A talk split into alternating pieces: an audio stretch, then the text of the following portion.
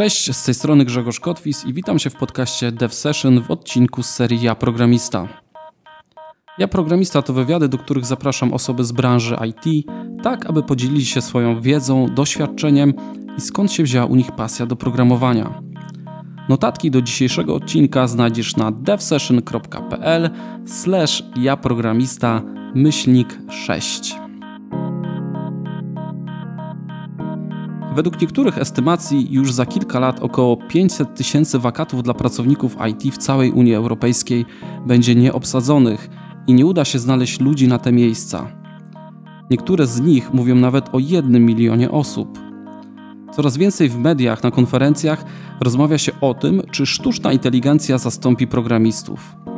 W mojej opinii nie wydarzy się to w ciągu najbliższych nastu lat, ale z pewnością zacznie nas wspomagać w procesie wytwarzania oprogramowania. Jednak są takie zawody, które znacznie szybciej mogą całkowicie zostać zastąpione przez rozwój technologii i zniknąć z rynku pracy. Czy w ich miejsce pojawią się nowe? Jeśli tak, to jakie? Jak widzicie, już na samym początku pada wiele pytań w kontekście tematu dzisiejszej rozmowy o przyszłości rynku pracy, do której zaprosiłem Katarzynę Gajewską, absolwentkę kulturoznawstwa, pasjonatkę branży IT, aktualnie content writera w Aspire Systems. Cześć Kasia. Cześć. Witam Cię bardzo serdecznie i dziękuję za przyjęcie zaproszenia do podcastu. Dzięki za zaproszenie. Na początek proszę Cię, abyś rozwinęła trochę swoje bio. Specjalnie nie powiedziałam wszystkiego, mhm. abyś mogła przedstawić się słuchaczom. Jasne. E, tak jak powiedziałeś, e, od niedawna pracuję jako content writer w Aspire Systems Poland. E, to jest dawne Go Yellow, może ta nazwa jest bardziej znana słuchaczom. Mm, oprócz tego jestem gdzieś tam koło branży IT od kilku lat, bo pracowałam i w Parku Naukowo-Technologicznym, pracowałam w szkole programowania. E, kiedyś uczyłam się programować, ale jednak stwierdziłam, że to nie jest ścieżka dla mnie, natomiast programiści i cała branża IT bardzo mnie inspiruje, więc dlatego gdzieś tam w tym kierunku idę i ja myślę, że tyle. Okej, okay, dziękuję Ci bardzo e, za to przedstawienie. Mm, ten wątek programowania może jeszcze rozwiniemy, choć na chwilę, bo to jest e, na pewno dla, dla słuchaczy, którzy głównie są pewnie programistami, mhm. ciekawa, jak ta Twoja przygoda wyglądała. Na początek takie pytanie, to, to w jakich barwach maluje się ta przyszłość mhm. rynku pracy? E, to zależy dla kogo, oczywiście, bo mm, no, to jest y, podcast dla programistów, więc y, programiści raczej tutaj nie mają się czego obawiać, wręcz przeciwnie. Nadal jeszcze jest to rynek pracownika i nadal mm, długo będzie. E, oczywiście sporo osób tutaj próbuje gdzieś tam wzniecić takie niepokoje. Są artykuły, tak, że sztuczna inteligencja zastąpi programistów, że sztuczna inteligencja będzie pisała kod. Natomiast wydaje mi się, że to jest bardziej um, chęć gdzieś tam zbudowania jakiegoś kapitału na właśnie modzie na sztuczną inteligencję. Po prostu to są takie clickbaity Programiści tutaj nie mają się czego obawiać. Myślę, że jeszcze rozwiniemy ten temat później. Natomiast oczywiście mm, pozostałe branże no już nie jest tak różowo tak naprawdę mm, ja niedawno zrobiłam też takie badanie u siebie w mediach społecznościowych, czy ludzie się obawiają, że sztuczna inteligencja, czy w ogóle automatyzacja, nowe technologie gdzieś tam zagrożą im ich pracy i właściwie no 100% odpowiedziało, że nie, że się tego nie obawiają. I według mnie to jest zbytni optymizm, bo mhm. właściwie wszystkie badania mówią o tym, że um, będą znikać te zawody w przeciągu najbliższych 10 lat, około 40-50 zawodów, miejsc pracy y, zniknie. Także no myślę, że tacy pracownicy jak telemarketerzy, pracownicy banków, poczty, kierowcy ciężarówek mają tutaj bardzo dużo do przemyślenia. Mhm. Y, byłem na Twoim blogu. Kasia prowadzi bloga na stronie gajapisze.pl. Zapraszam. Tak, tam jest y, wiele fajnych artykułów związanych z tym tematem i skorzystałem z linków, które podpowiadałaś i E, na jednej stronie, gdzie można wpisać e, swój wykonywany zawód, e, jest, taka, jest takie przewidywanie, na ile on zostanie jakby zastąpiony, czy zniknie z rynku. Taka ciekawostka, wpisałem computer programmer, wyszło mi 48%, mhm. ale jak wpisałem software engineer, mhm. wyszło mi tylko 2%. I tak sobie pomyślałem, czy to nie jest um, trochę tak, że rozdzielają takich naprawdę inżynierów, osób, które są może takie multidyscyplinarne, gdzieś w obrębie nawet IT, którzy mają dosyć szeroką wiedzę od takich, nazwijmy to zwykłych klepaczy mhm. kodu, gdzie ten AI będzie w stanie ten rzeczywiście kod, taki my go nazywamy boilerplate, który trzeba napisać, mhm. po prostu będzie za nas e, to e, generować. Może Jasne. To, tak, tak no, w ogóle słowo programista to jest bardzo szerokie pojęcie. Tak? No, kiedyś można było jeszcze mówić, że programiści to, programiści tam, to gdzieś tam generalizować. Natomiast obecnie wśród programistów są osoby, które no, nie mają ze sobą wiele, wiele wspólnego i mm, to, o czym mówisz, to dla mnie naj, najprostszy taki podział, tak mówi się, tak, że są programiści, są koderzy. Ci właśnie mhm. tacy klepacze kodu mm, będą y, mieli problem, tak, bo według badań już w przeciągu najbliższych 20 lat y, będziemy w stanie wypracować taką sztuczną inteligencję, która będzie pisała dobry, funkcjonalny kod. No i ci koderzy, ci klepacze kodu nie będą mieli już pracy, tak? Inżynierowie, oczywiście software'u, gdzieś tam mm, architekci jak najbardziej tą pracę nadal będą mieli. Natomiast y, te takie podstawowe czynności związane z programowaniem y, będą zautomatyzowane. Zresztą y, też na potrzeby tego podcastu rozmawiałam z programistą Java i pytałam go o tą automatyzację w jego zawodzie. No i on mi powiedział wprost, że programiści są leniwi y, w takim pozytywnym mhm. oczywiście znaczeniu e, nie chcą wykonywać nudnej pracy, bo my de facto nie chcemy, tak? Wykonywać, nikt nie chce wykonywać nudnej pracy, no ale programiści akurat są w takiej dobrej e, sytuacji, że mogą sobie na to pozwolić. Mhm. Sam jestem tego przykładem, że uwielbiam automatyzować. Nienawidzę powtarzania tych samych czynności e, codziennie i po prostu no, automatyzacja. I to jest taki jakby paradoks. Zobaczmy, My, jako programiści, inżynierowie, rozwijamy sztuczną inteligencję, żeby jednocześnie w przyszłości jakby trochę odebrać sobie pracy, nie mówiąc już w ogóle o innych zawodach. Mhm. W innych zawodach mogą nas w ogóle nienawidzić, bo powiedzą, że to wyście nam zabrali tą mhm. pracę, bo rozwijaliście technologię, ale to są już takie chyba względy etyczne. Tak, wchodzą, nie wiem. Etyka, etyka na pewno jest tutaj um, no, czymś, czemu należy się przyjrzeć, tak? bo technologie pociągają za sobą te dyskusje etyczne, natomiast technologia sama w sobie nie jest ety, hmm. nacechowana. Tak? Ona nie może być ani zła, ani dobra. Można, mm, ona, ona jest po prostu neutralna, a to w jaki sposób my ją wykorzystamy, to, to będzie decydowało, tak? czy to jest coś dobrego. Więc ja myślę, że jak najbardziej programiści, nie można programistom zarzucać, że um, oni produkując um, różne programy do automatyzowania jakichś nudnych czynności zabierają nam pracę, tak? Bo ten postęp tak czy siak będzie szedł.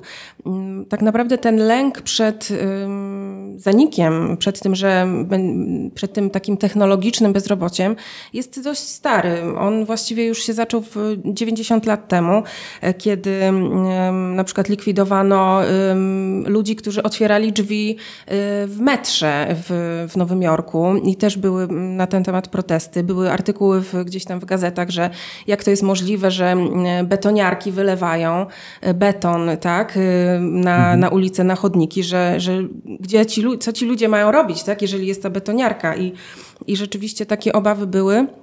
Natomiast technologia tak czy siak będzie szła do przodu. No, człowiek e, jest do tego stworzony, żeby ciągle coś wymyślać nowego, ciągle mm, ulepszać sobie e, jakość życia i ta automatyzacja ulepszy nam jakość życia, bo e, nie będzie telemarketerów, nie będzie kierowców ciężarówek, ale ci ludzie znajdą pracę w jakichś ciekawszych obszarach. Także wydaje mi się, że mm, ja jestem optymistką, o mhm. może tak. Ja myślę, że tu też muszą chyba nastąpić pewne zmiany mentalne, mhm. E, żeby ci ludzie chcieli e, znaleźć czy, czy mhm. przekształcić się, bo jeszcze trochę pokutuje takie podejście, no nie wiem, czy, czy w moim pokoleniu, chyba starszym, że wyuczyłeś się tego zawodu mhm. i teraz będziesz to robił całe życie Jasne. i to jest najlepsze, co może w ogóle ciebie mhm. spotkać w życiu i ciesz się, że Ciesz się, że masz mhm. pracę, nie? Jasne. Ale to chyba trochę ulega zmianie, jest albo powinno ulegać zmianie. Jest zupełnie inaczej i nawet niedawno czytałam artykuł, gdzie autor pisał wyraźnie, że zastanawiasz się nad ścieżką kariery, nad, czym, nad kierunkiem studiów, bo to był artykuł taki skierowany do młodych czytelników. Nie słuchaj, broń Boże, rodziców, e, bo oni ci źle podpowiedzą. I nawet powiem więcej, e, nasze dzieciaki, tak, które teraz są w szkołach, to, czego one się teraz uczą, będzie totalnie nieprzydatne, kiedy oni już pójdą do pracy, więc.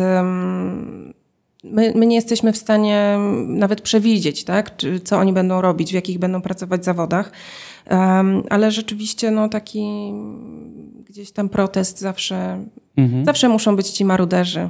Dokładnie, żeby zmiana jakaś e, powstała i poszła, przewrót, żeby nastąpił. Mhm, dokładnie. E, a propos dzieci, to chyba też u ciebie wyczytałem, że dzieci urodzone po 2007 roku 60% 5%, 5% tak. tak, będzie pracowało w zawodach, które jeszcze dzisiaj nie istnieją. Dokładnie. No to tylko pokazuje właśnie skalę e, tych zmian, jaka nas czeka. Dokładnie. A skąd się biorą te zmiany na rynku pracy? E, no to tak jak już powiedzieliśmy, z tych, oczywiście z tego postępu technologicznego, y, który w dużej mierze został opisany też w prawie Mura, tak? To, że to jest w ogóle bardzo ciekawe zagadnienie, też o tym w wielu miejscach piszę na moim blogu. To prawo Mura, no myślę, że programistom nie muszę y, wyjaśniać, kim był Mur i o, co mu chodziło. Przynosi nam ten postęp w skali wykładniczej, tak? Bo tak jak mówiliśmy, ten, te zmiany technologiczne, te obawy przed y, bezrobociem technologicznym to jest stara sprawa, tak? Ona istnieje już tam od lat 20., 30. Natomiast jednak jest inaczej teraz, bo właśnie ze względu na to, że jest ten postęp wykładniczy, mm, nasz świat zmienia się o wiele szybciej niż to było w latach 30., więc mm, są oczywiście mm, tacy futurolodzy, osoby, które gdzieś tam przewidują, którzy mówią: Nie, nie, nie, zawsze się obawialiśmy, że tej pracy nie będzie, że, że maszyny nam zabiorą pracę, nie ma się tu czego obawiać. Y, natomiast część specjalistów y, mówi, że jednak jest czego się bać, bo, bo teraz ten postęp następuje o wiele szybciej. Um, także um, to, to ten proces, pro, um, postęp wykładniczy na pewno jest tym no, winowajcą, czy, czy mhm czy zależy jak na to spojrzeć. Natomiast um, ostatnio przeczytałam bardzo ciekawą książkę Race for Work um, i tam um, ten, te zmiany na rynku pracy mm, są y, głównie oparte o takie trzy technologie. Sztuczną inteligencję, o której już rozmawialiśmy, druk 3D, i e, internet rzeczy. To są takie trzy technologie, które według autora najbardziej zmieniają rynek pracy, wpływają na to, jak nie tylko mm, czy mamy pracę, gdzie mamy tą pracę, ale też w jaki sposób pracujemy i w ogóle w jaki sposób żyjemy. Czy potrzebujemy zarabiać e, pieniądze, czy też e, na przykład te pieniądze zupełnie odejdą w cień, bo mamy drukarkę 3D w domu i możemy sobie wszystko wydrukować, tak? Więc, mhm. więc te trzy technologie mają taki największy wpływ na to, jak wygląda rynek pracy obecnie. Jeśli chodzi o AI, no to jestem sobie w stanie wyobrazić na przykład y, boty, które zastępują mhm. telemarketerów tak, na mhm. czacie. To już się teraz Jasne. dzieje. To już się teraz wchodzimy na stronę i y, ciężko y, czasem... Y, się opędzić od tych botów. Się opędzić i nawet jakby przewidzieć, czy tam jest rzeczywista osoba, czy bot po drugiej mhm. stronie, nie? Czyli one po prostu już oszukały. To jest taki Jasne. test Turinga, który chyba o tym mówi, że jeśli nie jesteś w stanie um, odróżnić. odróżnić. z kim rozmawiasz, czy z maszyną, czy z człowiekiem, to, to po prostu to, to przychodzi, to jest ten test Turinga. Mhm. E, drukarka 3D, no to tak jak mówisz, mhm. część rzeczy będziemy mogli samemu mhm. e, wyprodukować. Widziałem taki fajny startup. Oni się chyba w Gdańsku osiedli, osiedlili, szukali miejsca. Słuchaj, w Wielkiej Brytanii e, wymyślili takie coś, że będą mm, takie ortezy i różne jak zastępniki dla gipsów mhm. produkować. Przychodzisz do lekarza, masz złamaną rączkę, wkładasz rękę w skaner 3D, chwila, moment, masz zeskanowaną mhm. rękę, idzie ten e, wzór twojej ręki do drukarki 3D mhm. i za jakiś tam czas, e, one są coraz szybsze te drukarki, dostajesz gotową nakładkę na swoją rękę. I to super startup, kibicuję, bo to też e, sporo ma pomóc osobom e, niepełnosprawnym, które potrzebują jakieś ortezy, protezy, tego typu rzeczy, gdzie teraz produkcja trwa bardzo długo, a na przykład dziecko bardzo szybko przyrasta i potrzebuje co kilka miesięcy nową, mhm. więc idzie i za 24 godziny ma już powiedzmy nową Jasne. nakładkę do swojego ciała, coś mhm. takiego, więc druk 3D. Internet rzeczy tutaj nie wiem, mhm. nie jestem w stanie wymyślić, co by mogło wpłynąć. W, w, tej książce Race of Work um, autor pisze w taki sposób, że um, sztuczna inteligencja będzie nam zabierać pracę, a internet rzeczy będzie nam dawał pracę. Tak? Będzie, um, rozwój tej technologii będzie sprawiał, że będą się pojawiały nowe stanowiska, nowe zawody, nowe kierunki różnego rodzaju designerów, którzy będą tworzyli cały ekosystem. Tak? Internet rzeczy będzie sterował całymi miastami. Więc tutaj będzie bardzo, bardzo duży, duże zapotrzebowanie na mm, specjalistów. No i też oczywiście bezpieczeństwo, tak? Cyberbezpieczeństwo tych danych, które będą gdzieś tam po tej sieci krążyły, mm, to będzie coś, co będzie no, tutaj bardzo, bardzo, bardzo ważne i będzie się cały czas rozwijało. Mhm. Przypomniał mi się jeden mhm. przykład z internetem rzeczy. E, to widziałem na stronie Microsoftu. E, w rolnictwie, tak? E, naszpikowali pole u rolnika mhm. czujnikami, zraszaczami i tak dalej, mhm. że było prawie w pełni zautomatyzowana uprawa, która mhm. sama badała, wiesz, wilgotność gleby, kiedy co podlać i tak dalej. Jasne. Rolnik może siedzieć sobie w domu mhm. przed komputerem i tylko patrzeć, czy wszystko idzie zgodnie e, Jasne. z planem na to pole, może sobie wyjść rekreacyjnie, mhm. popatrzeć Jasne. co tam się dzieje. Pewnie jeszcze dojdziemy do etapu, że przyjdzie sam maszyna autonomiczna i mu mhm. skosi tą e, żywność, a on tylko będzie sobie e, rozmawiał z, ze sprzedawcami. Ja myślę, że, ja myślę, że już całkiem niedługo nasze lodówki będą nam robiły zakupy. Jestem przekonana mhm. o tym, jeśli już nie ma czegoś takiego. A Samsung coś miał takiego? Także bo wiem, że są takie lodówki, hmm. które mówią, y, co, czego brakuje, co się ma przeterminować y, z mhm. tych rzeczy, które są w lodówce, ale myślę, że niedługo te lodówki będą po prostu same składały zamówienie w sklepie. Rozlenili się. Zakupy ludzkość. przyjadą do domu. No, dążymy Co do będziemy tego. robić wtedy? Ha, to jest właśnie y, bardzo mm, coś, co mnie. Że, to jest coś, co mnie pozytywnie nastraja, bo dużo ludzi, mm, które mają te obawy tak, przed tą sztuczną inteligencją, bo rzeczywiście um, no jest kilka takich um, przewidywań, tak, że jak ten rynek pracy może wyglądać w przyszłości. Część osób y, mówi, że no, nie będziemy mieć tej pracy, tak? Co nie oznacza, że nie będziemy mieć środków do życia. To jest też zupełnie mm, oddzielny, odrębny temat. Natomiast ja uważam, że jeżeli nie będziemy pracować, to przede wszystkim e, będziemy mogli się kreatywnie gdzieś spełniać, będziemy mogli podróżować, będziemy mogli mm, realizować swoje pasje, spędzać czas z rodziną, e, wymyślać jakieś e, nowe sposoby na to, żeby było nam jeszcze lepiej. Natomiast też, też trzeba pamiętać o tym, że te przewidywania co do przyszłości często są bardzo sprzeczne. Ja bardzo dużo czytam różnego rodzaju raportów, badań, no i ciężko się de facto gdzieś tam połapać. E, I niektóre osoby uważają, że e, w przyszłości, ze względu na automatyzację, w ogóle nie będziemy pracować. A inni badacze uważają, że będziemy pracować jeszcze więcej, będziemy pracować bardzo długo, dlatego że ze względu na rozwój tej technologii nasz czas życia też się wydłuża i prawdopodobnie te dzieciaki właśnie, co się teraz rodzą, będą żyły nawet do 150 lat. No i mm, no, nie jest możliwe, żeby szli na emeryturę e, ludzie w wieku 60 lat, kiedy będą mieli jeszcze do przeżycia właściwie mm, drugie tyle, no bo jednak e, Przynajmniej nie przy dzisiejszym ZUS-ie, jak to wygląda. E, także y, są bardzo różne te przewidywania. Nie jesteśmy w stanie tak naprawdę mm, na 100% stwierdzić, co rzeczywiście się wydarzy.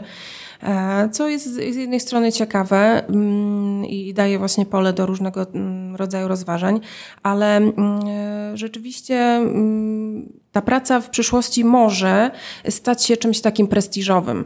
Czyli jeżeli ty będziesz miał y, pracę, to tak jak dzisiaj masz jakiś super dobry samochód, tak? To ludzie będą na ciebie patrzyli, o okej, okay, to jest ktoś, bo on ma pracę, tak? Mhm. Bo de facto tylko no, taka elita intelektualna y, będzie pracowała, bo nasza praca będzie bardzo kreatywna, będziemy mm, zatrudniani do tego, żeby mm, opracowywać jakieś pomysły, e, żeby negocjować, żeby mm, zadawać ciekawe pytania, tak? Bo mm, myślę, że to, co sztuczna inteligencja będzie potrafiła robić e, najpóźniej wraz ze swoim rozwojem, to właśnie zadawanie pytań.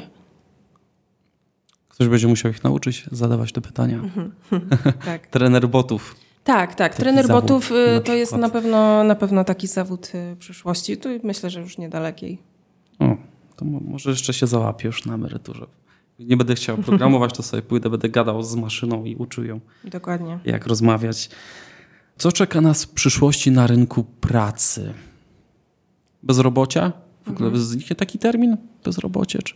E, ja osobiście uważam, że e, w ogóle mm, może zniknąć coś takiego jak praca. Będziemy, mhm. jako termin. Tak, jako termin. Zawód, praca, to może odejść e, w mhm. przeszłość i y, będziemy mieli raczej projekty, będziemy mieli role, będziemy wynajmowani na godziny na bazie swojej jakiejś tam doświadczenia, wiedzy, po prostu na potrzeby, tak?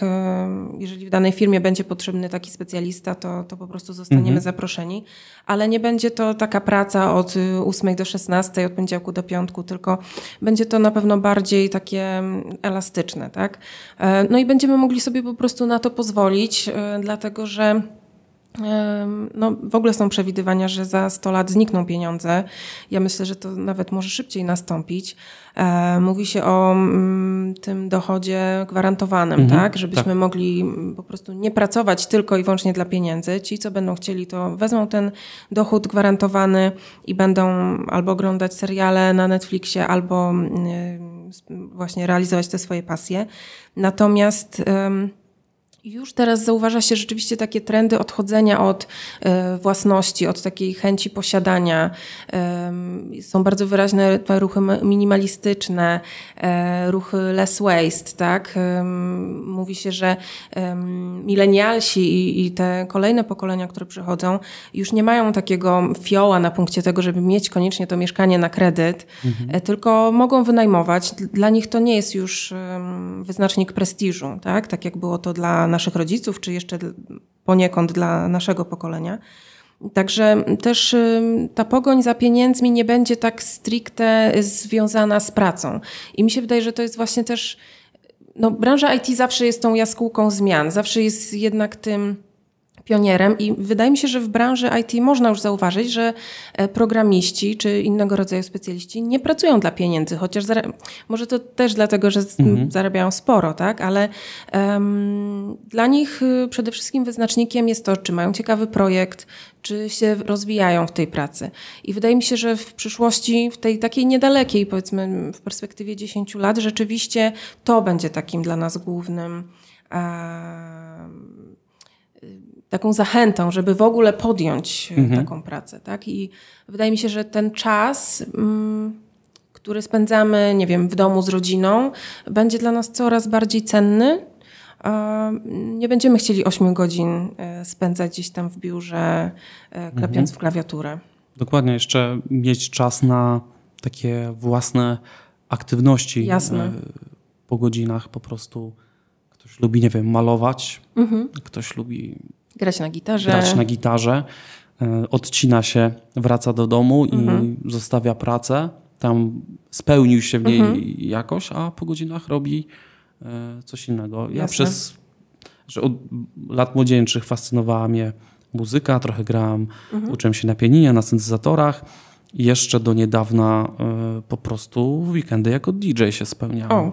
To było zarąbiste, bo to pozwalało trochę w ogóle, no, no rzeczywiście inny świat. Jasne. Inny świat, muzyka. Ciężkie, Umysł działa zupełnie inaczej. Ciężkie, bo jednak nocka i trzeba było e, potem e, odsypiać, ale Ale tak, teraz na przykład y, realizuję się tutaj w podcaście, mhm. bo też pamiętam od y, lat młodych y, kręciło mnie radio i aspekty techniczne, jeśli chodzi o dźwięk. Niestety nie dostałem się mhm. na ETI, na Politechnikę Gdańską, a miałem tam kolegę, który już ją skończył i on skończył inżynierię dźwięku i to też było dla mnie takie mhm. coś super, no ale tam trzeba było mieć mózg, nazwijmy to. I i tak, i mhm. właśnie robię takie po godzinach projekty jak ten, jak ten podcast i jest nawet termin na to. Mhm. E, slash, slash jest coś tak, takiego. Slash jest. To też właśnie mówiłam o tym e, i pisałam na, na blogu i mówiłam podczas mojego, mm, mojej prelekcji na, na Fuck Up Night. E, slash jest tak, to jest taki mm, e, termin, może niewiele osób e, kojarzy, ale mm, Kiedyś tak było, że nasza tożsamość była kreowana przez konkretny zawód, tak? Było się bankierem, było się księgowym. Teraz y, no już nie chcemy, nie ma takiej chęci, żeby się tak silnie identyfikować z tym jednym zawodem, z tym jednym y, miejscem pracy. I bardzo dużo ludzi stawia właśnie te slasze między mm, różnymi aktywnościami, tak? Są programistą, ale są podcasterem, yy, grają na gitarze, jeszcze się udzielają gdzieś tam w organizacjach charytatywnych, yy, biegają w maratonach. Nie chcą po prostu rezygnować, tak? Z, z żadnej formy aktywności. I, I, myślę, że to jest też taki kierunek, w którym będziemy szli. Zresztą wiele firm pozwala na to, oczywiście znowu tutaj mowa w większości o firmach z branży IT, pozwalają swoim pracownikom spędzać jakiś czas y, pracy, y, za który normalnie im płacą, na mm, swoich takich pasjach niezwiązanych zupełnie z wykonywanym zawodem. Tak, jestem zatrudniona jako programista, ale y, chcę grać na gitarze i, i mogę w godzinach pracy na przykład wyjść na mm, lekcję, tak?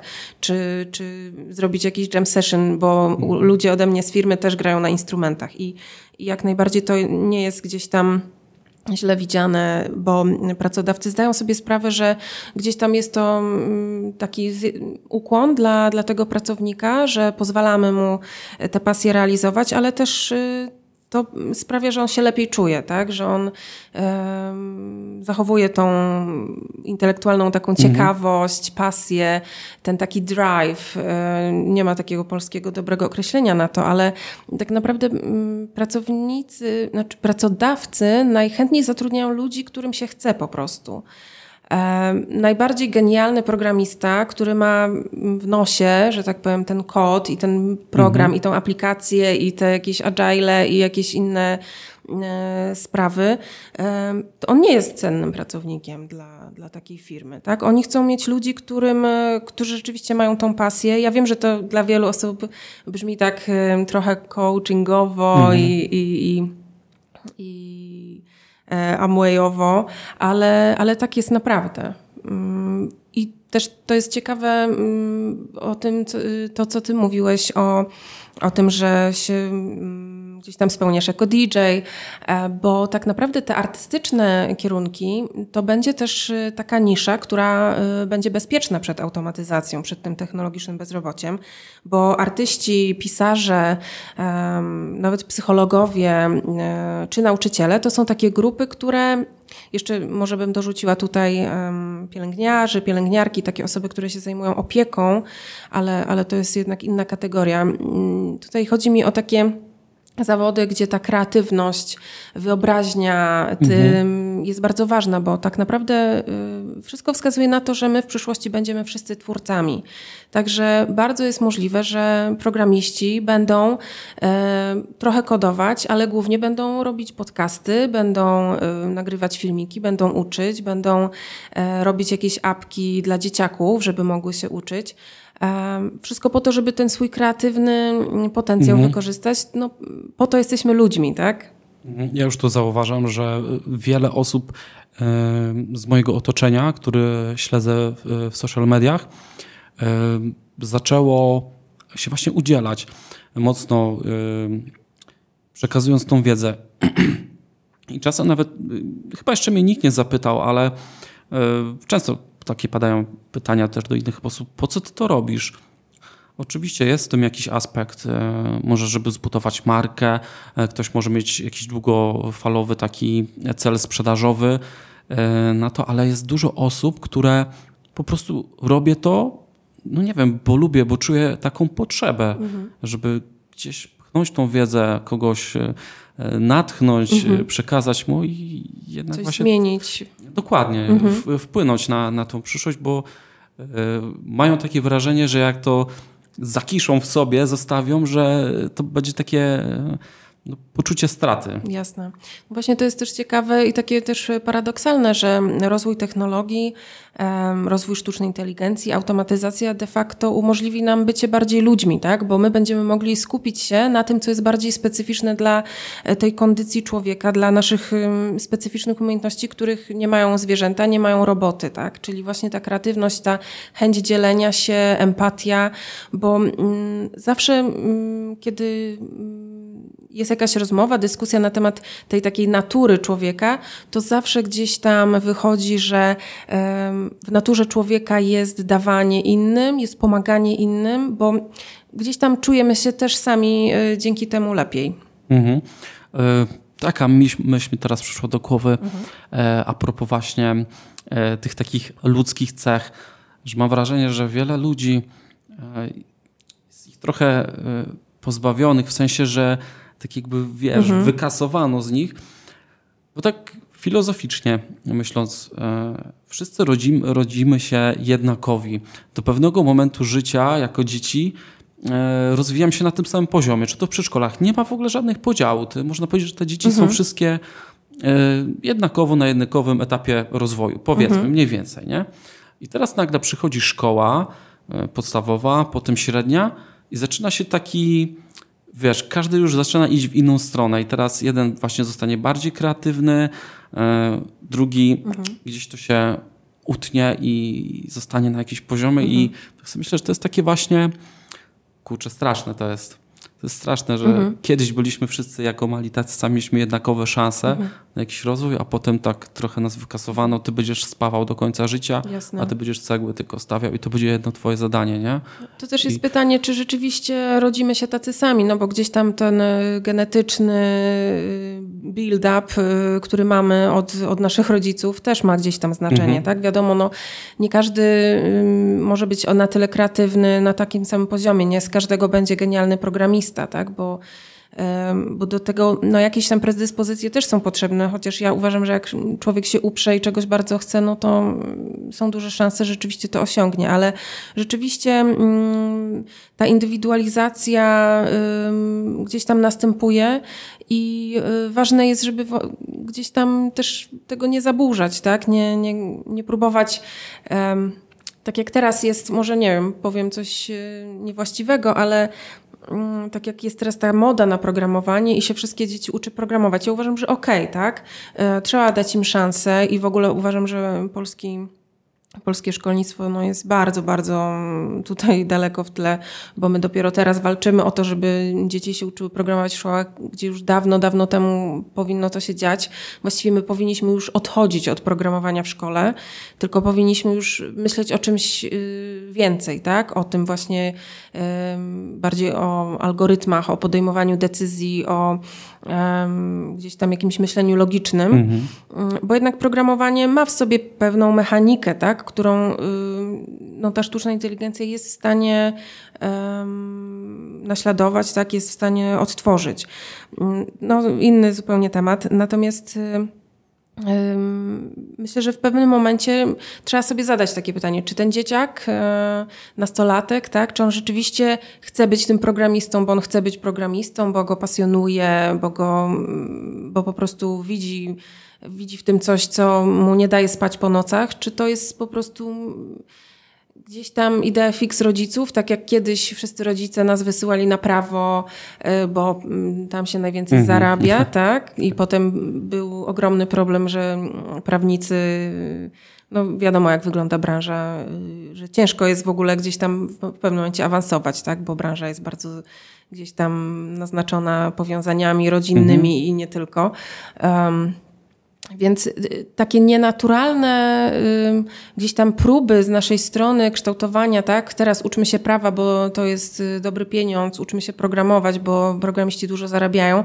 To jest takie nienaturalne, tak? Myślę, że trzeba mhm. zaufać też tym dzieciom. Oni, tak naprawdę te dzieciaki też będą lepiej wiedziały od nas, um, co chcą robić, bo um, i znowu tu zabrzmie trochę jak z Amwaya, ale um, na pracę zawsze y, będą mieli szansę ci, którzy mają pasję i którzy kochają to, co robią i którzy wiedzą, e, kim są.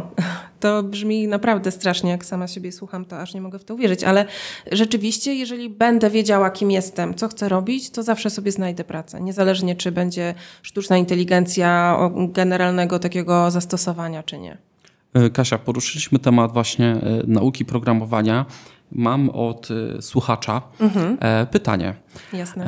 E, słuchacz e, o niku mhm. Haskell. Okay. E, proszę zapytać panią Katarzynę, czy uważa, że przekaz marketingowy bootcampów i szkół mhm. programowania wprowadza klientów w błąd mhm. co do rzeczywistych warunków i wynagrodzeń w tej branży Szczególnie jeśli chodzi o stanowiska mhm. stażystów i juniorów. Jasne. To jest tak trochę powiązane. Wiem, że pracowałaś w, w pracowałam, pracowałam w szkole programowania rzeczywiście.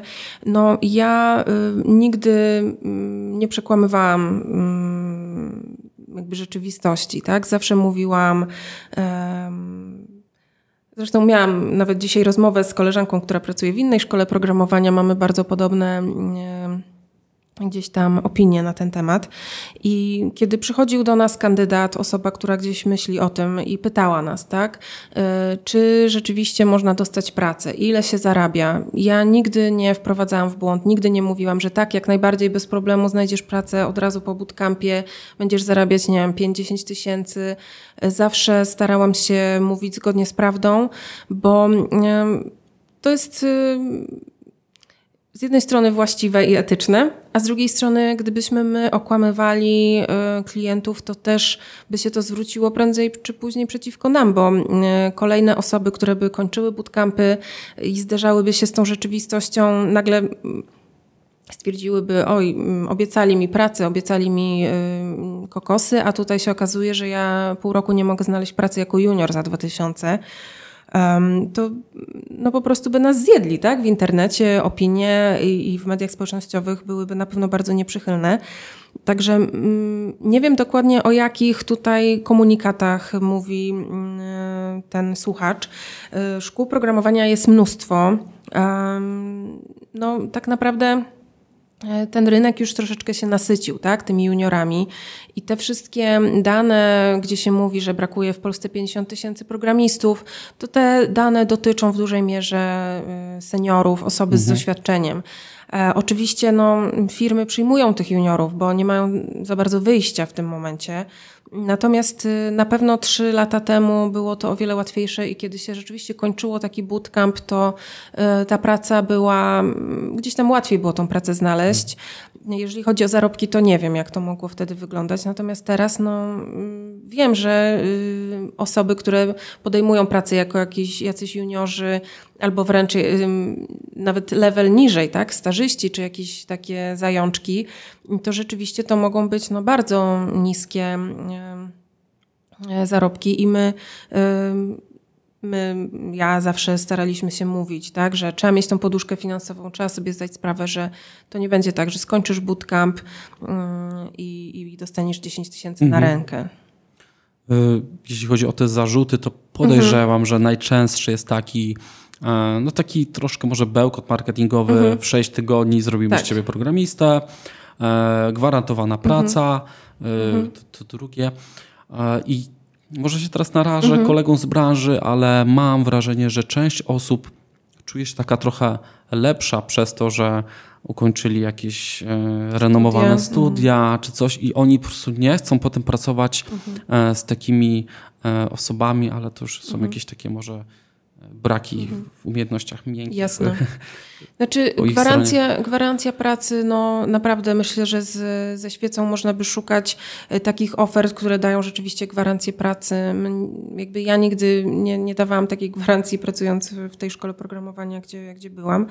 Mm, także mm, natomiast też jest druga strona oczywiście medalu, bo wiele osób, które przychodzą na taki bootcamp, nie mówię akurat teraz o mojej szkole, tak, ale no mhm. znam troszeczkę tą branżę i pracowałam też w różnego rodzaju projektach unijnych, tak.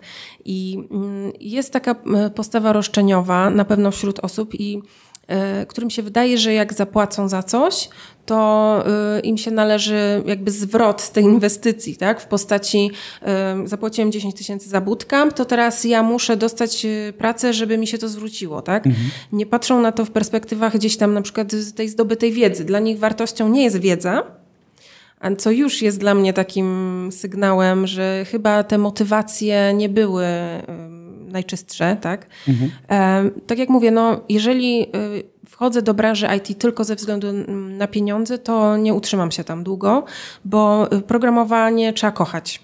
Dlatego ja właśnie nie zostałam programistką, bo dla, we mnie to nie wzbudzało takiej aż pasji, żebym ja po nocach siedziała i gdzieś tam robiła jakieś aplikacje, ale po prostu trzeba to kochać i jeżeli przyjdzie do nas człowiek, który uwielbia programować, to go nie zrażą informacje, że jest trudny rynek, e, że może nie dostanie szybko pracy, że być może będzie mało zarabiał, bo on i tak będzie chciał być tym programistą. Ale rzeczywiście na naszych spotkaniach czasami tak było, że kiedy mówiliśmy o tych zarobkach, tak, że po e, taki junior może zarabiać 2000, 3000, to były osoby, które wstawały i wychodziły. Mhm. Właśnie chciałem zapytać. Okej. To już nie jest, nie jest tajemnicą, bo ja pamiętam, jak ja wchodziłem do branży IT, a to było naście lat temu, chyba w 2005 roku podjąłem pierwszą pracę, może wcześniej, chyba dostawałem 1500 na rękę. Mhm. To były po prostu takie stawki, ale przez to może mam trochę taki dzisiaj e, większy szacunek do tego, mhm. wiesz, przez jakie etapy przechodziłem. Jasne. No ale dzisiaj ludzie startują z, e, z innych z innych poziomów. Ja w ogóle nie miałem wtedy żadnej postawy roszczeniowej.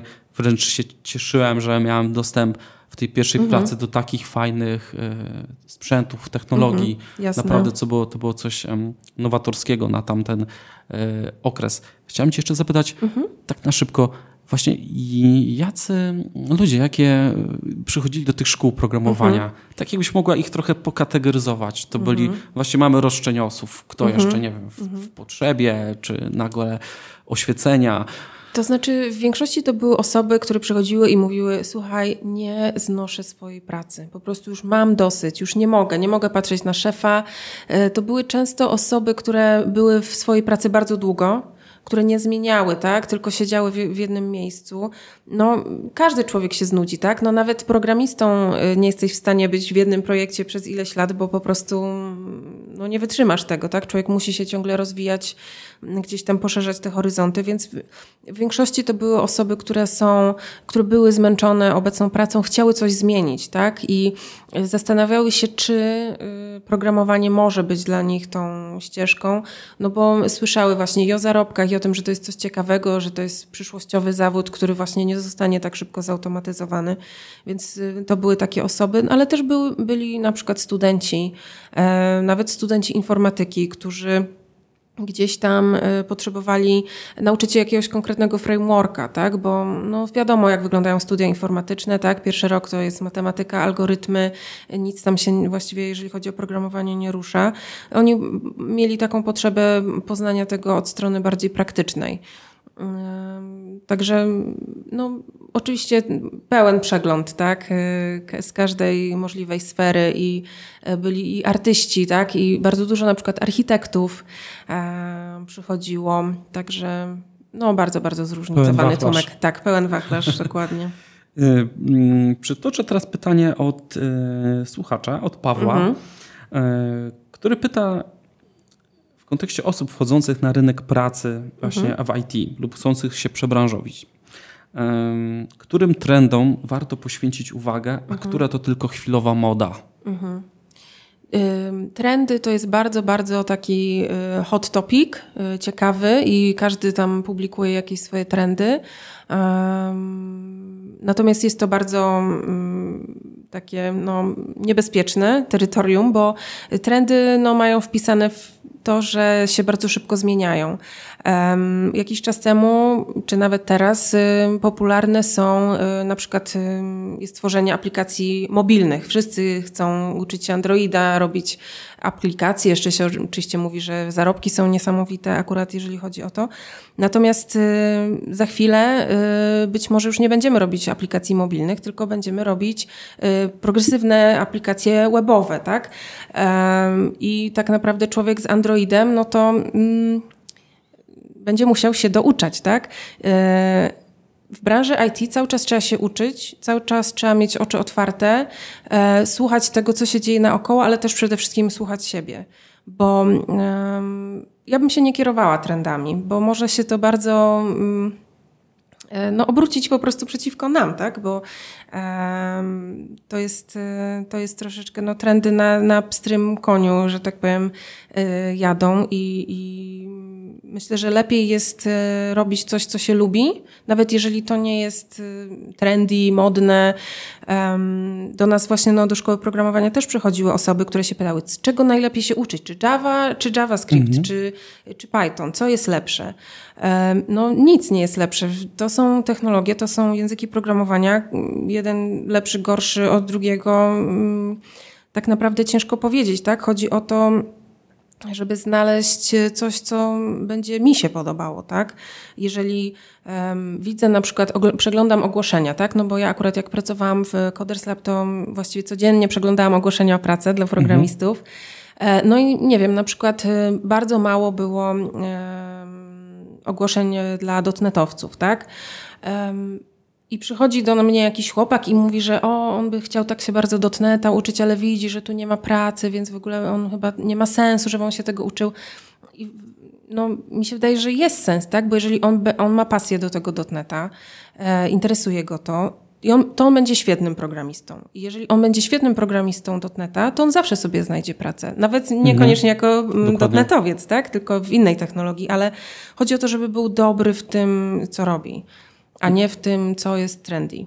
Mhm. Tym bardziej, że um, jeśli chodzi o IT, o programowanie, jest pewna taka, nazwijmy to, baza wiedzy, która jest niezmienna mhm. po prostu od, nie wiem, 20-30 lat. Pewne paradygmaty są stałe. Mhm. E, wymyślamy nowe biblioteki, nowe frameworki, jak grzyby po deszczu w tym ekosystemie na przykład webowym e, powstają, ale jakby się im przyjrzeć, jak one działają, w jaki sposób, to tam niewiele się zmienia. Mhm. Zmienia się semantyka języka, to, to takie mm, nie wiem do czego to porównać, mhm. jeśli nie do programowania, że jest taka wiedza, którą jak, jako inżynier posiądziesz, to po prostu Jasne. potem zacząć w Pythonie, wskoczyć do Pythona, do JavaScriptu na chwilę, przyswoisz tą, mhm. powiedzmy, strukturę, jak ten język wygląda, jak się w nim pisze w kilka tygodni, mhm. może w miesiąc, dwa, i ciach, i Jasne. jest coś tam, nie?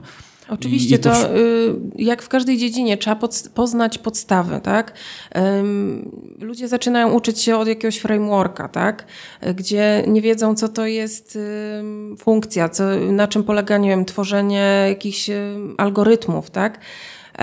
Nie wiedzą w ogóle na przykład jak działa baza danych, ale uczą się jakiegoś stricte frameworka, no i okej, okay, znajdą pracę i za chwilę w, przyjdzie y, team leader i powie, ej słuchajcie, mamy nowy projekt, klient zażyczył sobie y, innego frameworka. No i on będzie musiał albo mhm. się tego frameworka douczyć, albo no, wyleci z tego projektu, tak? tak?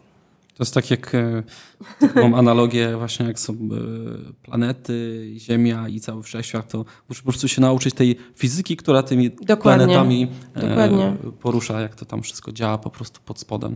Tak wtedy, jest. jest. wtedy jest o wiele łatwiej. Mhm. Też to jakoś tak zrozumiałem niedawno, ale, ale to widać z doświadczeniem, że po prostu potem przechodzenie między tymi technologiami jest o wiele, wiele łatwiejsze. Zdecydowanie. Bo, bo wiesz po prostu jak to działa pod spodem, a to, że ktoś użył tutaj takiej specyficznej nazwy, to mhm. dla ciebie e, No i to też się wiąże z tą przyszłością tak, tego, tego rynku pracy, z przyszłością programowania, że my tak naprawdę niedługo będziemy mówić, tak, będziemy pracować, będziemy programować w parach ze sztuczną inteligencją i my będziemy mówić, ok, chcę, żeby to y, działało w ten sposób, żeby tutaj odbywała się taka y, akcja y, i sztuczna inteligencja będzie sama pisała ten kod, tak, natomiast po naszej stronie będzie wymyślenie, jaki będzie najlepszy sposób, tak, najbardziej efektywny, wydajny, użyteczny i tak dalej, i tak dalej, tak? E, więc właśnie te podstawy, jak działa, jak działa kod, jak jest wykonywany,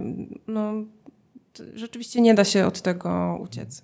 Czy to dąży do tego, że każdy z nas w przyszłości będzie mhm. musiał umieć albo znać podstawy programowania? E, ja muszę powiedzieć, że mi bardzo to pomaga, mimo że, tak jak mówiłam, y, uczyłam się programować, ale nie jestem programistką, nigdy nie pracowałam jako programistka, natomiast y, uczyłam się, uczyłam się trochę Pythona, e, jakichś tam innych rzeczy i e, bardzo dużo mi to dało.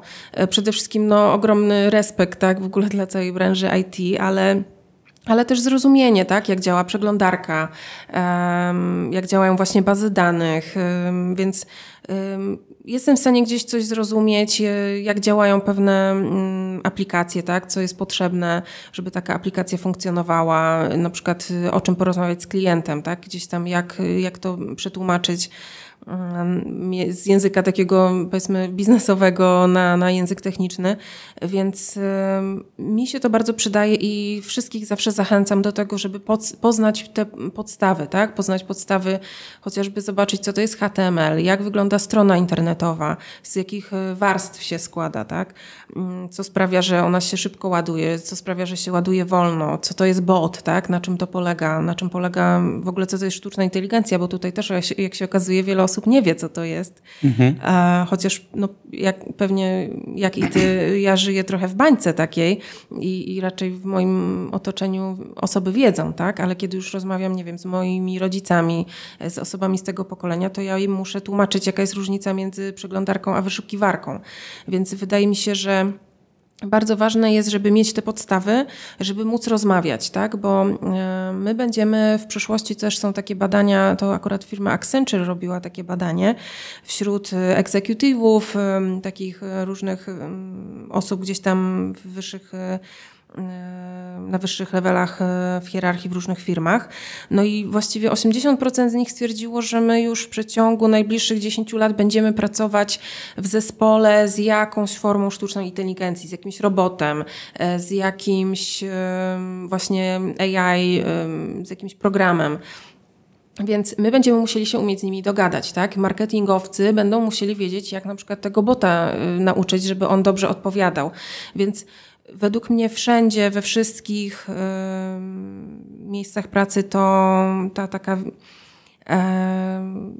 umiejętność zrozumienia tego świata cyfrowego będzie ważna. Natomiast nie uważam, że każdy powinien y, programować, bo też nie każdy ma do tego po prostu ten odpowiedni mhm. drive taki. Tak, tak, te predyspozycje. Czyli można by powiedzieć, że taka ogólna wiedza mhm. o otaczającej tej naszej technologii mhm. będzie jak najbardziej przydatna. Jasne. E, a kto chce wejść w programowanie, to musi trochę więcej.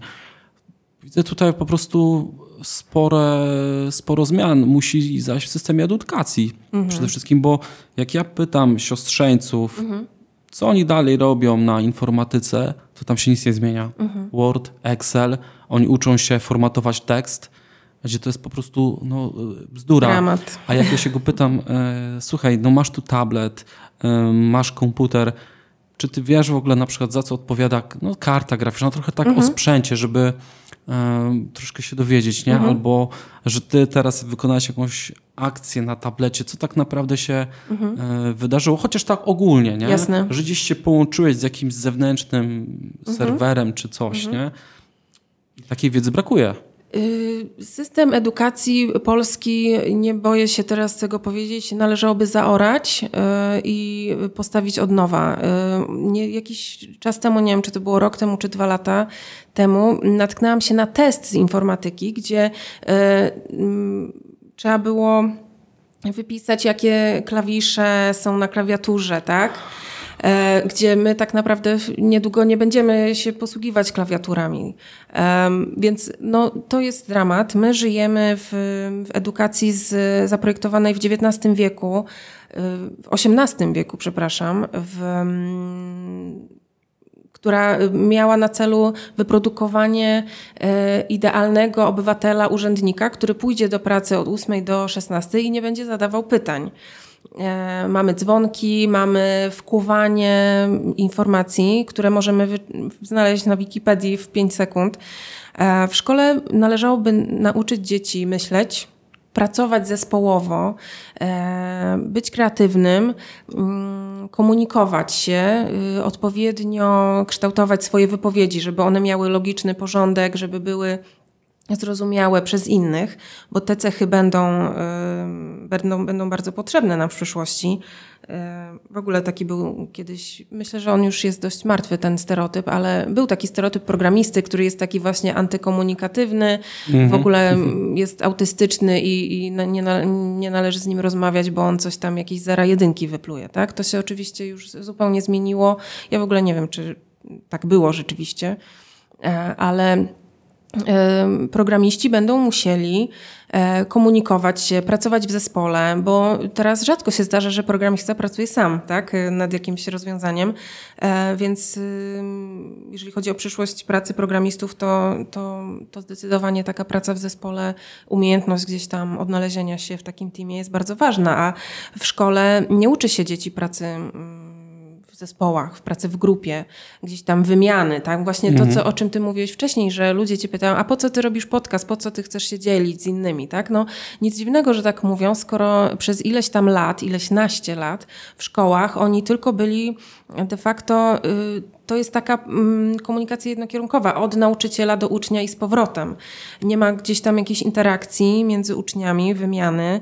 Mm, w ogóle to, że na przykład w klasach są dzieciaki w jednym wieku, to jest straszne, bo my potem jesteśmy przerażeni, nie wiemy, co mamy zrobić, jeżeli mamy, nie wiem, ja mam 30 lat, a przychodzi mi do pracy jakiś 18-latek i oczywiście wszyscy na niego patrzą z pogardą, tak? Nie mówiąc już o osobach po 50, tak? Że ich umiejętności, wiedza w ogóle nie są cenione, co jest y, dramatyczne i w ogóle jest ogrom, ogromną stratą. Ale no, system edukacji to jest. Y, temat rzeka. Ja też jestem taki trochę, jak już zaczynamy od edukacji, to już y, wspominam te swoje lata w szkole, jak to mhm. wyglądało, e, trochę z opowieści rodziców, co teraz się dzieje.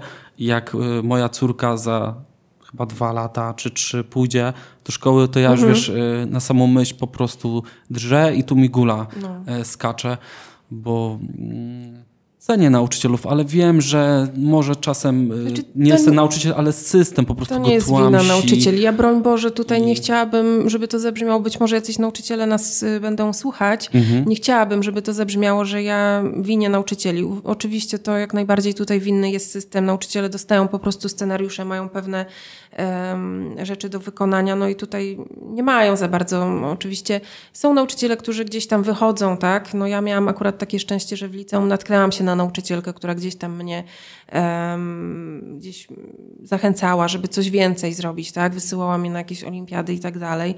Mm, natomiast y, to, co ja robiłam na informatyce w liceum, no to w ogóle to jest woła o pomstę do nieba, bo, bo my właściwie to um, przenosiliśmy pliki tam w jakimś Norton Commanderze, e, a resztę czasu to mm, graliśmy w skoki narciarskie.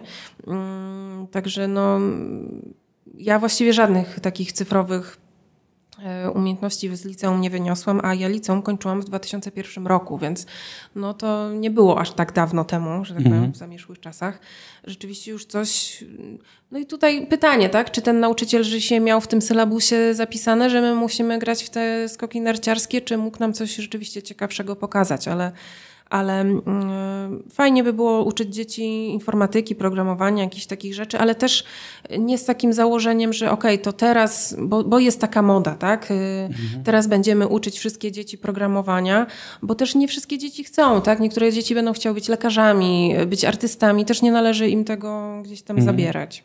Tylko pewnie po to, żeby jakieś pewne cechy mhm. wykształcić, Chociaż żeby coś, coś lekarze pokazać. i artyści też będą pracować tak, ze sztuczną inteligencją. Przecież lekarze to, no, to w ogóle medycyna będzie prawdopodobnie w przyszłości to mm, szpitale będą wyglądały tak, że jedynymi ludźmi to będą tam osoby, które będą cię trzymały za rękę, będą ci mówiły, że wszystko będzie w porządku, żebyś miał ten, to poczucie takiej tej opieki ludzkiej, a, mhm. a wszystkie zabiegi, e, badania będą wykonywane no, przez maszyny.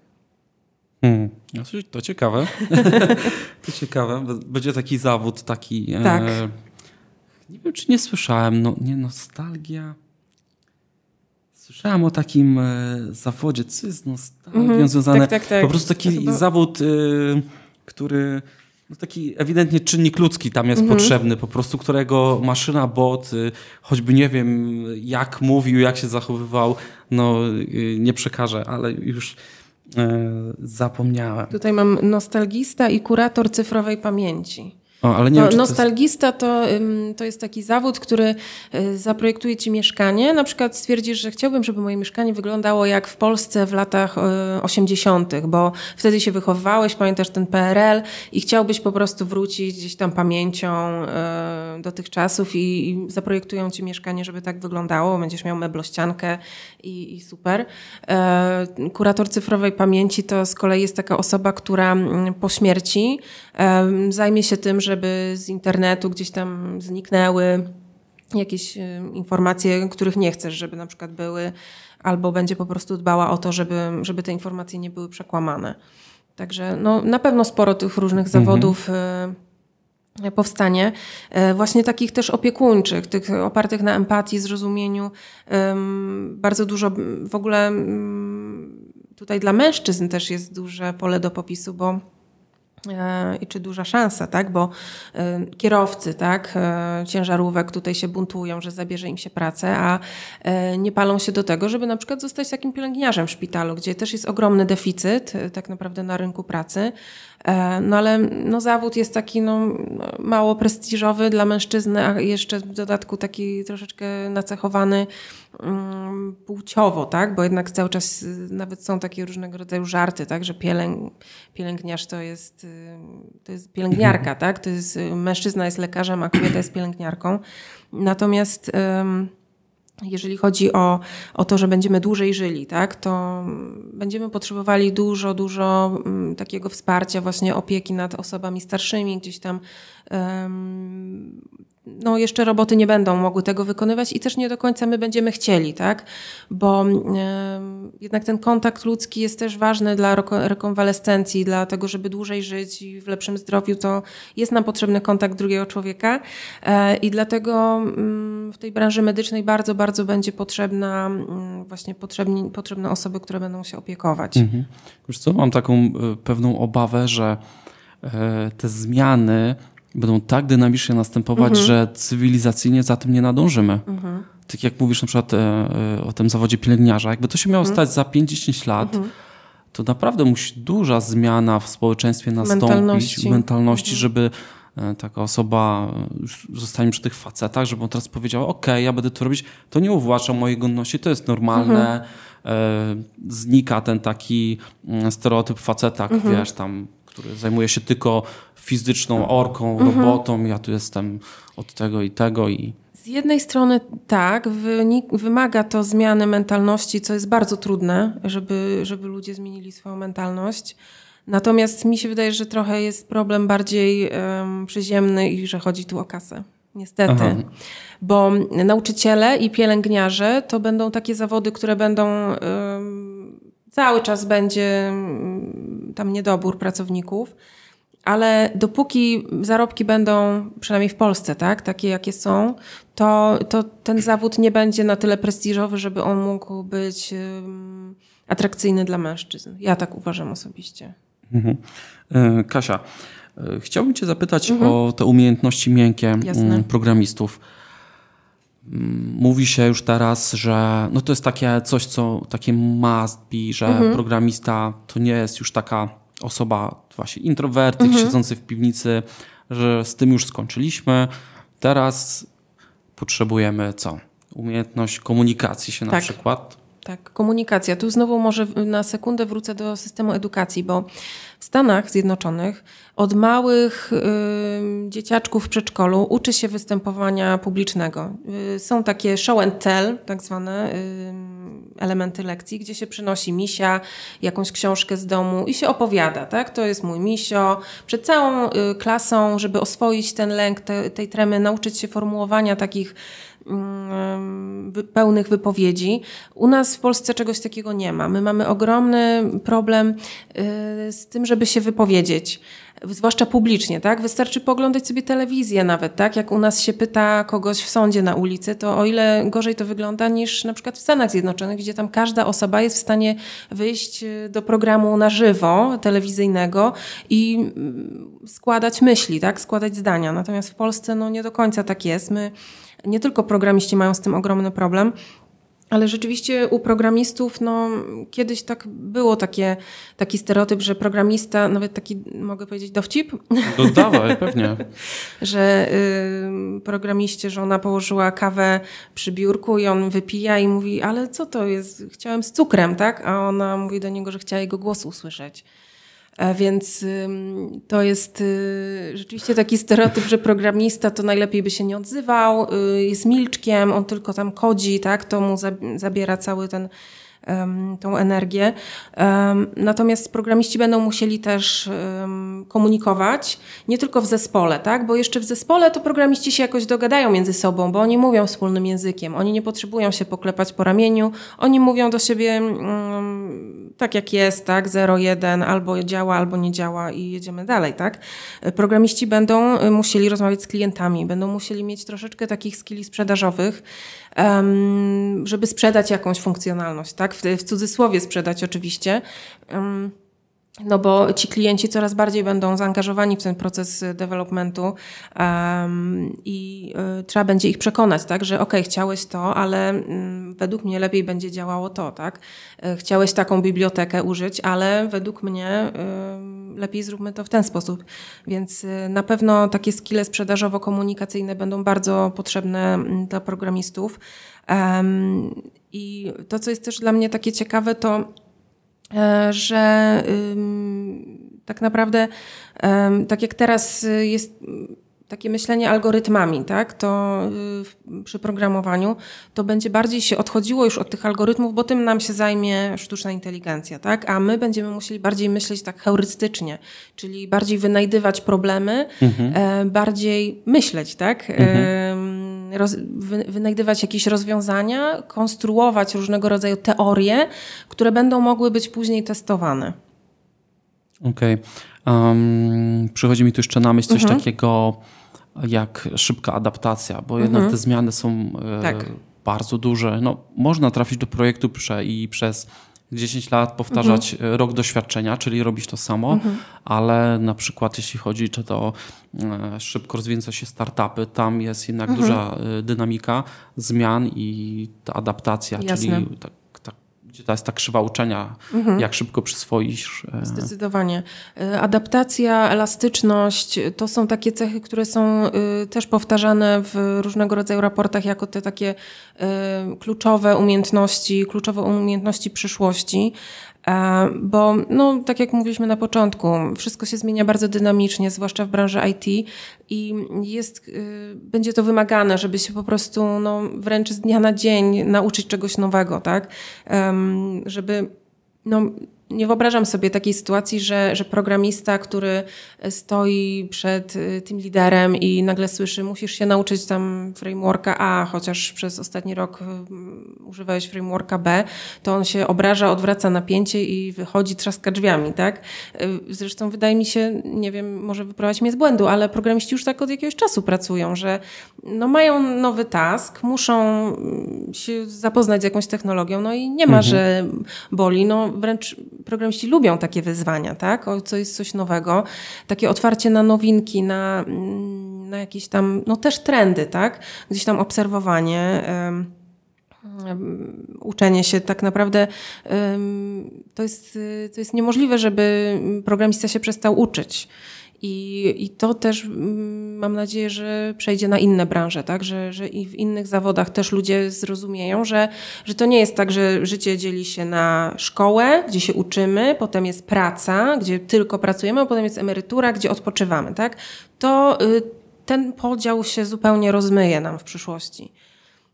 Także mm, jak najbardziej no, uczenie i, i też dlatego y, programiści będą musieli mieć te skille y, mm, komunikacji, bo o, ich zadaniem będzie uczenie innych też. Też do tego będą zatrudniani. Mhm. Y, czy będą jeszcze jakieś takie specyficzne nazwy stanowisk mhm. dla, dla programistów mhm. w przyszłości, bo to się czasem spotyka. Oczywiście to są czasem takie, nazwijmy to clickbaity na ogłoszenie, mhm E, ktoś doda e, jakiś przedrostek Jedi, mhm. E, Unicorn nawet widziałem i jeszcze było Ninja. O, mhm. Ninja to jest na najpopularniejsze. Ninja, tak. no, oczywiście wiadomo, no, jak to jest w, w ogłoszeniach, ale a praca jest taka sama. Pra, praca jest taka sama, tak. Kod, kod trzeba mhm. wyklepać, ale czy, czy, te, czy to się tak rozmyje, mhm. czy tam te, te nazwy stanowisk jakoś tak jeszcze będą? Znaczy ja myślę, że y, akurat te śmieszne nazwy, że to jest jakiś trend, który y, szybko przeminie i dobrze, bo to jest jakiś, jakiś element employer brandingu, jakiegoś wyróżnienia się, pokazania tej kultury organizacyjnej, co jest też fajne, bo, bo to pokazuje, tak, że firma jest y, cool i tak dalej, ale no, często niestety mm, przychodzi taki ninja, tak, przechodzi rekrutację, potem, potem przychodzi w poniedziałek o, o 8 czy tam o 9, no i się okazuje, że że, on klepie w klawiaturę, tak? Więc y, tutaj to wszystko zależy, czy to jest rzeczywiście spójne z tą organizacją przemyślane, czy to jest tylko jakiś taki wydmuszka i, i, sposób na to, żeby przyciągnąć te osoby. No, ja z jednej strony rozumiem też firmy, bo mają ogromny, ogromny problem e, z pozyskiwaniem e, pracowników. Więc y, chwytają się już wszelkich możliwych sposobów. Nie każda firma może sobie pozwolić na to, żeby windować te wynagrodzenia, a rzeczywiście no, wynagrodzenia no, no są tutaj tak, dość duże. I, I, często ciężko po prostu wyciągnąć kogoś, tak? Ktoś już pracuje mhm. w danej firmie ileś lat, to nie chce mu się zmieniać, no bo już mu jest tam wygodniej. Um, natomiast wydaje mi się, że te nazwy po prostu przestaną być ważne, bo mm, nie wiem, no Mam w firmie dziewczynę, która e, jest w marketingu, tak, ale y, jest też Scrum Masterem w jakimś innym zespole deweloperskim. No i co ona ma sobie na wizytówce napisać, tak? Mhm. Będziemy mieć różne role, tak? W zależności od tego, e, że y, czym się interesujemy. Ja uważam, że to jest fajny sposób, żeby jakby zatrzymać pracownika w firmie, tak? dać mu coś innego do roboty, bo jeżeli mm, ja przez pięć lat w kółko robię ten sam jeden projekt, tak? jakiś projekt cykliczny, który się zaczyna, rozpoczyna co roku, no to ja po jakimś czasie po prostu zacznę szukać tej pracy. Jeżeli mój pracodawca będzie chciał, żebym ja została z nim, to powinien mnie przenieść do innego działu, tak? albo powinien mnie przypisać do jakiegoś innego projektu.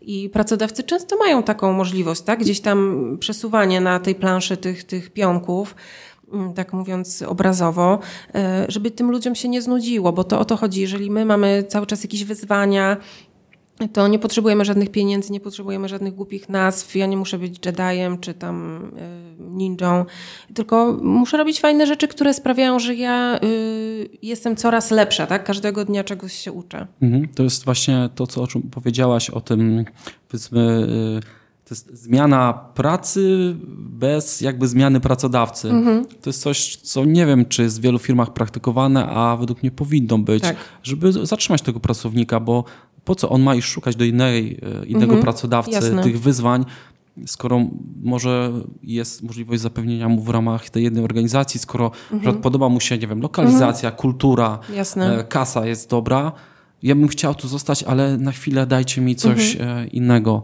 Dokładnie. zrobienia, bo inaczej po prostu no, Zwariuję. Zwariuję, tak.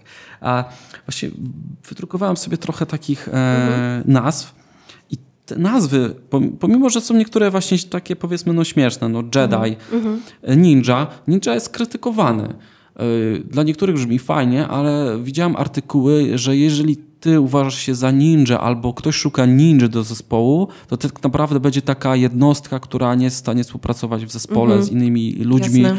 I jak widzisz taki, takie ogłoszenie, to to jest, powinno być dla ciebie e, taka, wiesz, lampka, żeby mhm. uważać Dokładnie. na to, że to nie jest taka fajna cecha. Ale na przykład podoba mi się zawód y, ewangelista, mhm.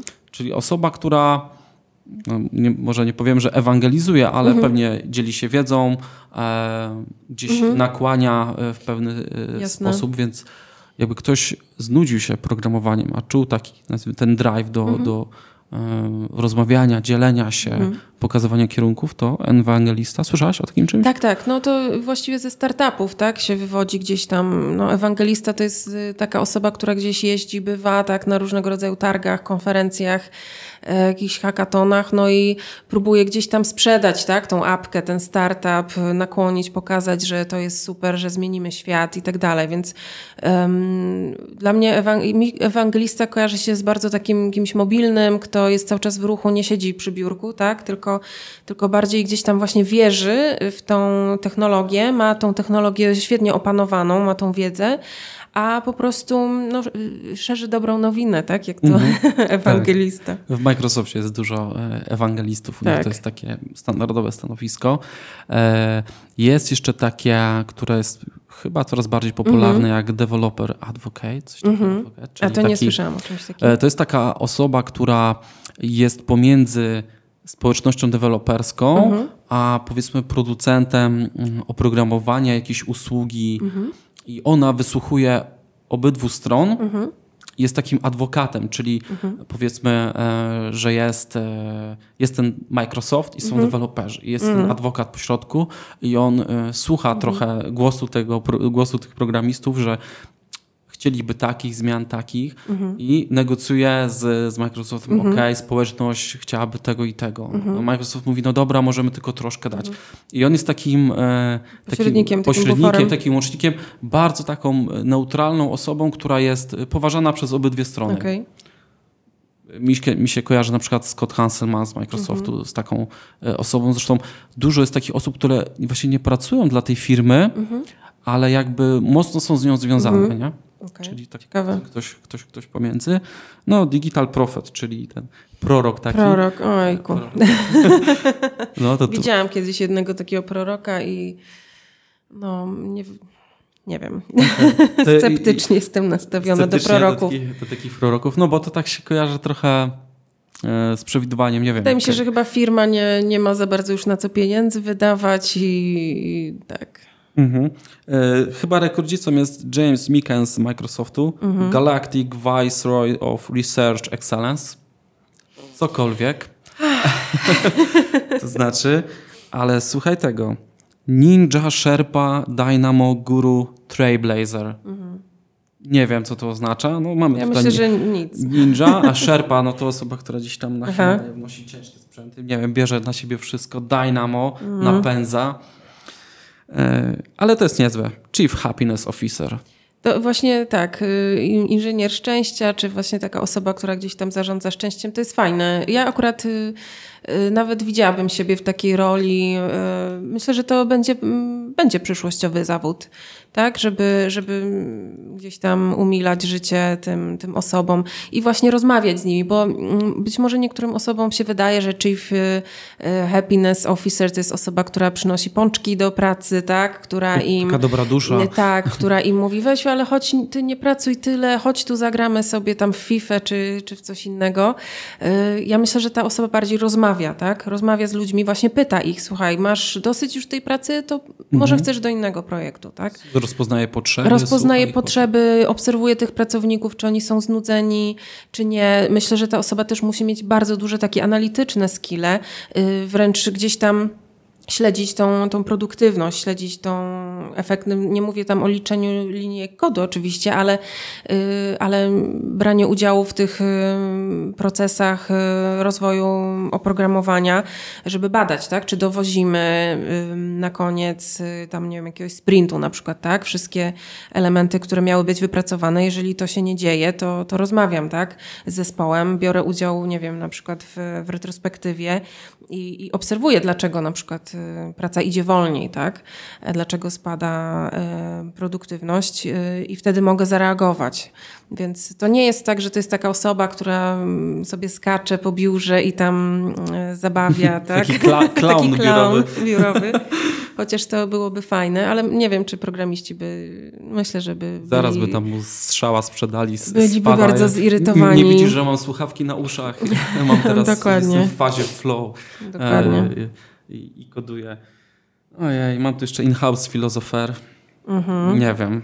Okej, okay, ciekawe. Ciężkie, takie, no, ciekawe. To pewnie nie? taka osoba, która gdzieś tam odpowiada też za tą y, kulturę organizacyjną, tak? Pilnuje gdzieś tam, mhm. Żeby, żeby firma rzeczywiście no, realizowała te swoje założenia takie teoretyczne, jakieś misje, strategie i tak dalej. No o, o ile je ma o ile zdefiniowane, ma. nie? bo tak, to też tak. Y, różnie to bywa. Różnie to bywa. Okej, okay, dobra. Przeszliśmy przez y, fajne nazwy stanowisk, mhm. jakkolwiek ale y, dają do myślenia, bo widać, że mm, na programu, programowanie to nie wszystko. Można pójść dalej. Ja jestem tego przykładem. Mhm. Można występować na scenie, można wiele rzeczy robić naprawdę, y, dzielić się wiedzą. Jasne. I tak dalej. Teraz y, zacząłem śledzić taką jednego Jeff Fries chyba na Twitchu. Mhm. Jest po prostu streamerem. Mhm. Uczy ludzi kodować i to jest też niesamowite, ile, ile przyciąga jaką, jaką społeczność, mhm. nie? Także też, też fajne, fajne zajęcie. Robi to codziennie, więc to jest tak jakby już jego, no nie powiem, że zawód, ale tak element pracy codziennej, mhm. nie? bo to prawie te streamy są e, codzienne. E, na koniec chciałbym cię zapytać, mhm. jak dbać o ten rozwój? Wiemy, że mhm. mamy tam tych kompetencji trochę miękkich. Mhm. E, jak dbać o ich rozwój? Co możemy zrobić? Mhm. Myślę, że trzeba siebie mocno obserwować i jeżeli zaczynam się nudzić, albo coś zaczyna być łatwe, to trzeba to zmienić. Po prostu. Trzeba obserwować innych i no, nie lubię tego określenia, tak, ale wychodzić poza tą strefę komfortu. Zawsze obserwować to organizację, w której się jest, e, obserwować, czy, czy ta organizacja rozwija się, tak? Bo jeżeli jesteśmy w firmie IT, i jest firma, która się nie rozwija, tak? Nie inwestuje w nowe technologie, e, tylko, nie wiem, cały czas robi to samo, tak? To, to jest to bardzo zły mm, gdzieś tam to jest znak po prostu, że, że trzeba by coś zmienić, tak? Pójść gdzieś, gdzie e, będziemy mogli też się rozwijać razem z tą organizacją. E, no i cały czas być na takim troszeczkę poziomie meta. Z jednej strony e, zastanawiać się, co w moim takim codziennym dniu pracy robię, co myślę, że za 2-3 lata może robić AI żeby po prostu unikać tak, tego, albo właśnie zautomatyzować sobie te procesy, nie tracić na nie czasu, albo pójść w innym kierunku, a z drugiej strony też obserwować rzeczy, które są w mojej pracy takie specyficzne, że wiem, że na pewno tego żadna sztuczna inteligencja nie powieli. Czyli właśnie te kreatywne sytuacje, to negocjowanie, rozmowy i bardziej właśnie się skupić na tym, tak? Więc takie obserwowanie tych zagrożeń i tych szans, tak? Można mhm. tak y, powiedzieć. Okej, okay, a jeśli przyjdzie już taka powiedzmy chwila e, kryzysu, zwątpienia, mhm. jak zweryfikować swoją wartość na rynku mhm. pracy? Co możemy zrobić?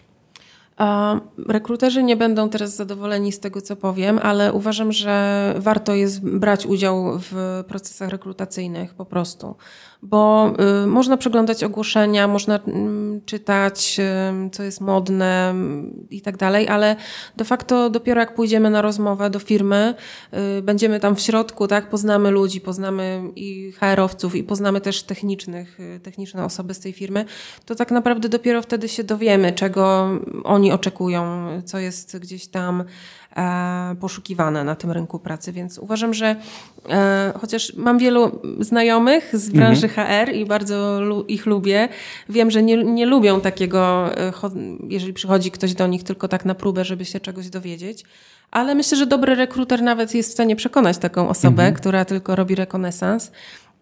Natomiast uważam, że trzeba po prostu rozmawiać rozmawiać po prostu z ludźmi, którzy mają e, większy, e, bo HR-owcy mają troszeczkę inny ogląd tego rynku niż e, IT. I tutaj jest po prostu jeszcze, jeszcze taki jeden most do, do zbudowania między mhm. nimi na pewno. Czasem mam też wrażenie, że pewnie z braku komunikacji są takie yy, niezrozumienia. Mhm. Nawet jak ja sam dostaję ogłoszenie, to już sam nie wiem czasem, mhm. co, co odpisywać. Mhm. E, znaczy, One są mhm. czasem takie, takie jakieś. Dużo jest niedopowiedzeń i dla mnie to jest, jeśli ktoś jest na rynku pracy, mhm. ma pracę, to naprawdę takie suche rzucenie, że jest robota, słuchaj, Jasne. to to mi to nic nie mówi, nie? Mhm. I że czasem właśnie nie rozpoznajesz tych potrzeb y, kandydatów, mhm. szczególnie jeśli uderzasz do osoby, którą widzisz mhm. na LinkedInie, że dziesiąty mhm. rok, rok pracuje w branży, a ty mu po prostu rzucasz, mam ciekawy projekt w Gdańsku. Mhm. Jasne. Kropka, nie? Panie Grzegorzu, czy jest pan zainteresowany? Mhm. Znaczy ja, sobie, ja wiem, jak to wygląda, wiem, ile, ile programiści dostają tych ofert i że rzeczywiście to jest męczące. To ja jak najbardziej to rozumiem, nie dziwię się. E, że rzeczywiście niektórzy rekruterzy no, mogliby to robić w jakiś fajniejszy sposób, no ale oni też e, mają jakieś swoje cele, tak? Oni muszą tych pracowników zdobyć, to jest, to jest ich zadanie. Natomiast y, uważam, że jeżeli, nie wiem, pracujesz w jakiejś firmie, a jest y, jakaś firma lokalna czy nawet zagraniczna, to warto się po prostu mm, zainteresować, bo nawet można dla swojego własnego rozwoju zobaczyć, ok, oni są, idą w jakąś taką technologię, może sobie o niej poczytam, może w przyszłości mhm. już po prostu będzie, będzie mi łatwiej, tak? Jeżeli na przykład podejmę decyzję, że ok, odchodzę z tej pracy, to już gdzieś tam ten jeden kroczek do przodu Mm, pod kątem tej wiedzy, tak? Y, no, można tak naprawdę, y, najgorsze jest y, powiedzieć sobie, ok, to jest moja ostatnia praca, tak? Tutaj już chcę zostać, już koniec. No nie oszukujmy się, oczywiście lojalność pracownika jest tutaj bardzo ważna, ale um, nie chciałabym, żeby też, nie chciałabym być zrozumiana, bo ja też nie jestem za tym, żeby zmieniać pracę co miesiąc, co, co pół roku, mm, ale my nie będziemy pracować tak jak nasi rodzice, tak jak moja mama pracuje w jednej firmie 30 lat e, no to jest w ogóle nie do pomyślenia. Jeżeli ja bym usłyszała, że programista za jakiś czas będzie pracował w jednej firmie 30 lat, to y, okej, okay, no jest to z jednej strony godne podziwu, bo ten pracodawca rzeczywiście chyba coś musi robić dobrze, a z drugiej strony no ten programista to mm, nie wiem, czy, czy hmm. o co mu chodzi. Chyba, no że właśnie. ma rzeczywiście co chwilę jakieś nowe, fajne projekty, gdzieś tam jest, e, ma ciągle nowe wyzwania, tak? Ale my będziemy zmieniać pracę co dwa, trzy lata, e, a nawet częściej, więc... Hmm. E, Mi się marzy, żeby była taka opcja kiedyś e, takiego, e, nie wiem czy wypożyczania, ale mhm. że okej, okay, jestem tu, idę na, na chwilę do tej firmy czy do tej. Mhm. Oczywiście, jak ktoś pracuje na kontrakcie, Jasne. podpisuje na rok, to ma taką opcję, mhm. ale żeby tak móc sobie, wiesz, mhm. spróbować, na chwilę sobie pójść, zobaczyć, nie? Taki... Myślę, że, że jest możliwe, że tak będzie to wyglądało. No. Okej. Kasia, dziękuję Ci bardzo. Dzięki również. Za, za przyjęcie zaproszenia i podzielenie się swoją wiedzą e, na temat e, przyszłości rynku pracy i wszystkiego tego dookoła, co nas, e, co nas czeka.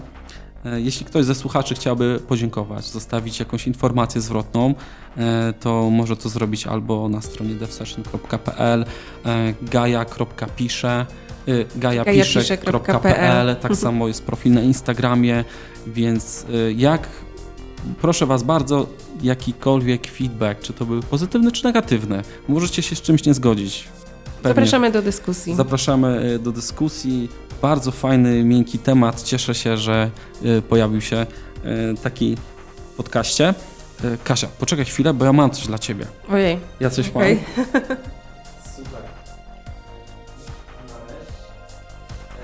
Podcast jest niesponsorowany i długo zabiegałem, żeby dla moich gości coś mieć. I e, nie powiem, że wyżebrałem, ale poprosiłem e, Microsoft, bo jestem dotnetowcem, najbliżej mhm. mi do mhm. Microsoftu i obdarowali mnie takimi giftami. Nie jest to wiele, jak to Perfekt śpiewał, niewiele ci mogę dać, ale jest taki patrz, Ninja Panda, kurczę, Okej. Ninja. Mogę zostać Taka, ninją. taka przypinka, Super. Microsoft Azure i nie wiedziałem co to jest, ale Mhm. już wiem. Słuchaj, to jest e, słomka do picia, ale taka A, wielokrotnego użytku, No tak, bo plastik. bo nawet nie wiedziałem, że słomki przestają produkować, Tak. więc to jest Świat taka... się zmienia. e, Świat stanął na głowie po prostu. Ale nie słuchaj, ma słomek plastikowych. E, Najśmieszniejsze jest to, że bardzo. ona ma gumę w środku, więc to jest taki... no nie wiem, czy to do końca poszło w stronę eko, ale, ale Ciekawe. e, zobaczysz. Ale wiesz, e, nie wyrzucasz jej, tak? prze, Tylko... Przetestujesz, no tak, no starczy ci tam, o, nie wiem. wygląda jak e, Ma taki wycior nawet, że można ją tam czyścić. Niesamowite. Faktycznie. I czy- ciekawe, czy nie przecieka. Także takie, takie gifty załatwiłem dla moich słuchaczy, żeby jakkolwiek Mhm. móc im podziękować. Dzięki wielkie. Także dziękuję drodzy słuchacze i do usłyszenia następnym razem. Cześć!